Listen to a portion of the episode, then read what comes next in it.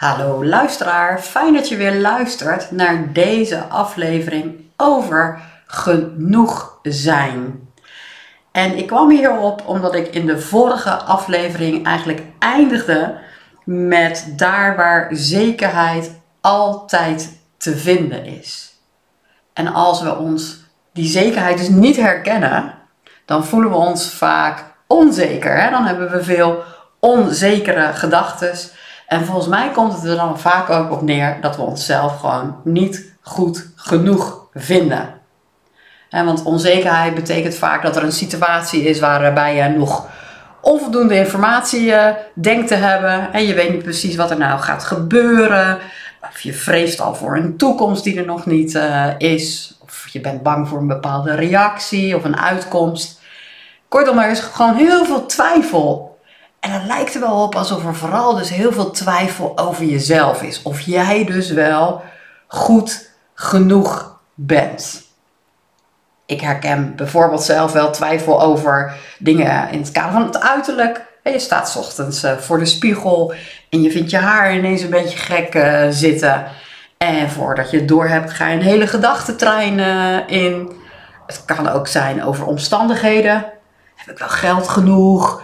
Eh, is het allemaal wel leuk genoeg? Ja, misschien ook nu op jouw werk. Uh, twijfel je ook? Doe ik het allemaal wel goed genoeg? Vind ik dit werk eigenlijk wel leuk genoeg? Dus er komt altijd wel een ikje om de hoek kijken of diegene het allemaal wel goed genoeg doet op dit moment. Als er dus onzekerheid ervaren wordt. En dat deed me ineens ook denken aan een gedichtje van Niels Zwakhals. Ga het gerust eens googelen, want ik ga hem niet helemaal uh, voorlezen. Maar Nieuws schreef ook een gedichtje en dat heet Je bent genoeg. En ik wil even een kort stukje voorlezen. Je bent genoeg. Je hoeft niet eerst iets te bereiken. Je hoeft niet eerst iets te beheersen. Je hoeft niet eerst te voldoen aan een of ander maatschappelijk verantwoord beeld. Je bent genoeg. Natuurlijk, je mag aan jezelf werken, liever worden of zachter, avontuurlijker, eerlijker, vrijer, meer oog voor de ander. Dat mag, maar het hoeft niet. Je bent genoeg. En dan gaat hij nog even verder met geloof me, je bent genoeg. Er hoeft niets bij, er hoeft niets af. En zo gaat dit gedichtje nog een tijdje door. Dus nogmaals, google het gerust. Maar ik vind het einde ook zo ontzettend mooi. Als je het nog niet kan geloven, geloof mij dan. Pak voor even mijn hand en laat je meedrijven in de strevenloze zee. Ik spreek uit betrouwbare bron van verre en dichtbij, van ervaring en weten en met een hart van oceanische liefde. Het is goed zo. Je bent genoeg. Je bent genoeg. Je bent. Dat is genoeg. En als jij dus inderdaad nog niet kan geloven, blijf dan vooral in luisteren naar deze podcast, naar deze aflevering. Maar ik merk zelf dat als ik dit gedichtje alleen maar een stukje, ik heb de, nog ineens de helft voorgelezen, dat ik zelf al naar een vorm van rust kom. In het hier en nu is er geen onzekerheid. Daar waar jij nu bent, daar zit je. Je bent misschien aan het autorijden, of je ligt in je bed, of je zit in de bank, of je bent een was aan het doen. En that's it. Je luistert naar mijn woorden. Daar is geen onzekerheid. Daar ben je helemaal goed genoeg. Totdat jij erover na gaat denken. Totdat jij gaat denken dat het anders zou moeten zijn dan het nu is. En dan komen er ineens onzekere gedachten. En ik zeg bewust, dan komen er onzekere gedachten. En dan dus niet van, dan word jij onzeker. Want je bent niet onzeker, je hebt alleen maar onzekere gedachten. Want jij bent al goed genoeg. Ook als er onzekere gedachten voorbij komen. Kijk, en dan komen die onzekere gedachten. Ja, en dan hebben we natuurlijk af en toe de neiging. Oh, oh, wacht, ik doe het verkeerd, ik doe het verkeerd. Misschien heb je al wat inzichten in de drie principes. En dan uh, denk je, ja, dat zou toch niet meer mogen. Hè? Ik, uh, ik heb nog steeds gedachten. En dan uh, ga je ze misschien wel negeren. Ga je ze bewust even negeren. Nou, ik zou zeggen, doe je best. Want op het moment dat een gedachte er al is, ik weet niet waar die gum is, dat je ze kan negeren. Ze zijn er al. Dus het heeft compleet geen zin om ze te gaan negeren. En dat is eigenlijk juist bevestigen dat het er is en eigenlijk juist groter maken. Je hoeft er helemaal niks mee te doen. Ze gaan echt wel weer vanzelf weg. Dus ook de strijd ermee aangaan heeft ook compleet geen zin. Wat ik merk is dat op het moment dat ik dat doe, dat dat voor mij juist een soort waarschuwing is. Ik heb het in een eerdere aflevering heb ik het ook over onzekerheid gehad. Ik geloof aflevering 22. Dus als je die nog niet geluisterd hebt, luister gerust daarnaar. Maar daar heb ik het ook over mijn plusje hamer. En wat ik daarmee bedoel, is dat het echt een soort hamer is die even zo een tikje op mijn kop geeft. hey, je gaat echt de verkeerde richting op. Dat is de verkeerde richting op. Je zoekt juist een vorm van zekerheid. Je wil je juist weer goed genoeg voelen. Dat vind je niet door mee te gaan in die gedachtentrein vol met onzekere gedachten. En daarom noem ik het een plusje hamer.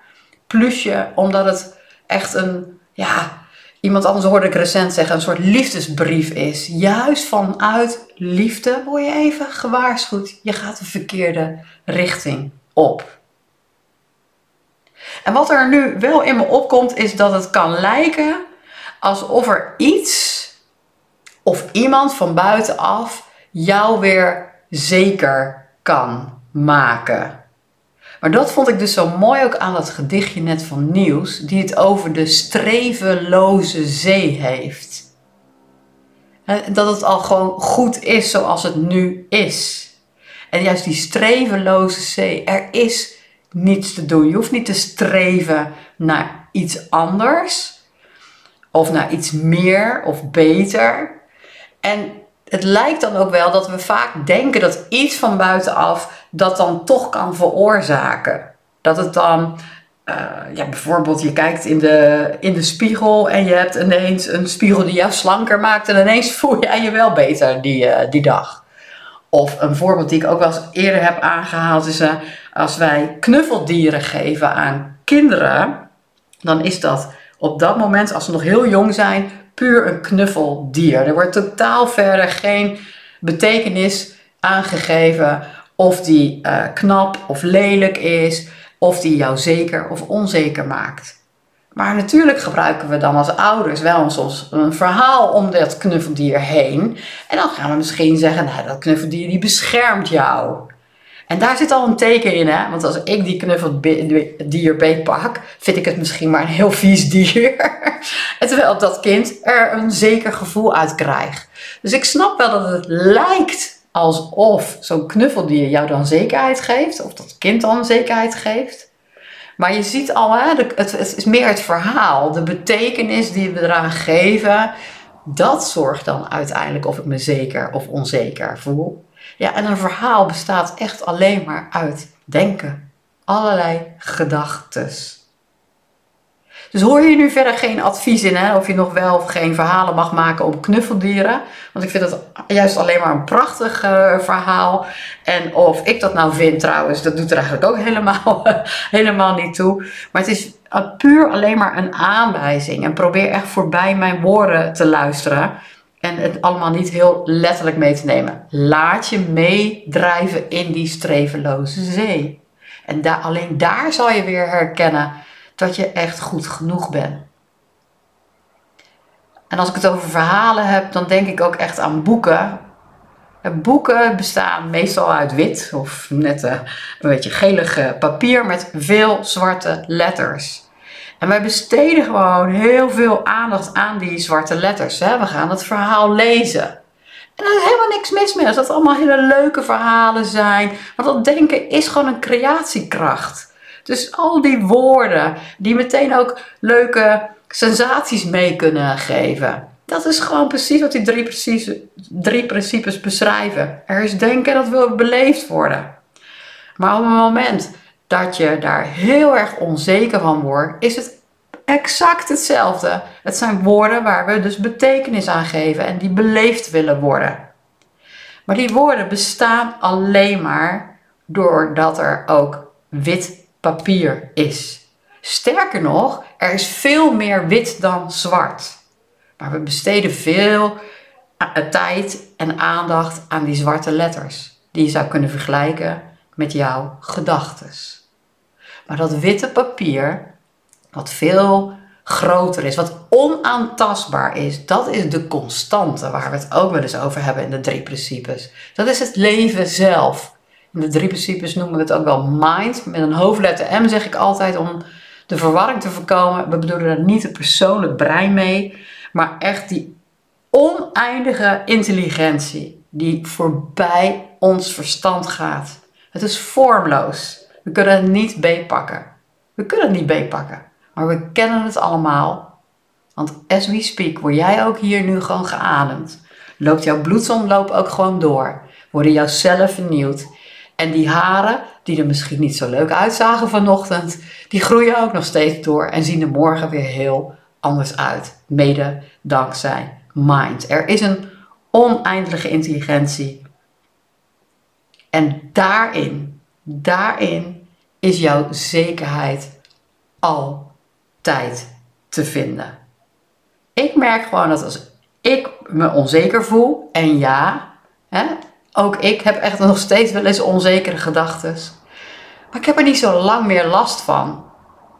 En op het moment dat ik merk dat ze er zijn, de kortste weg voor mij is me steeds weer herinneren: oh ja, dat is mijn ware natuur. Dat is dat witte papier. Dat is niet dat verhaal. Dat verhaal is maar bedacht. Maar dat witte papier, die constante, van daaruit, het, waar, van daaruit dus het verhaal komt, hè, van waaruit het verhaal dus komt, dat is mijn ware natuur. En steeds als ik dat weer herken, dan herinner ik me weer, je bent goed genoeg. En dat geldt ook voor jou. Ook jij bent goed genoeg.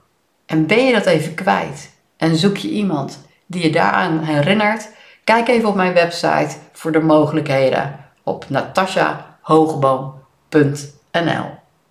Tot de volgende aflevering.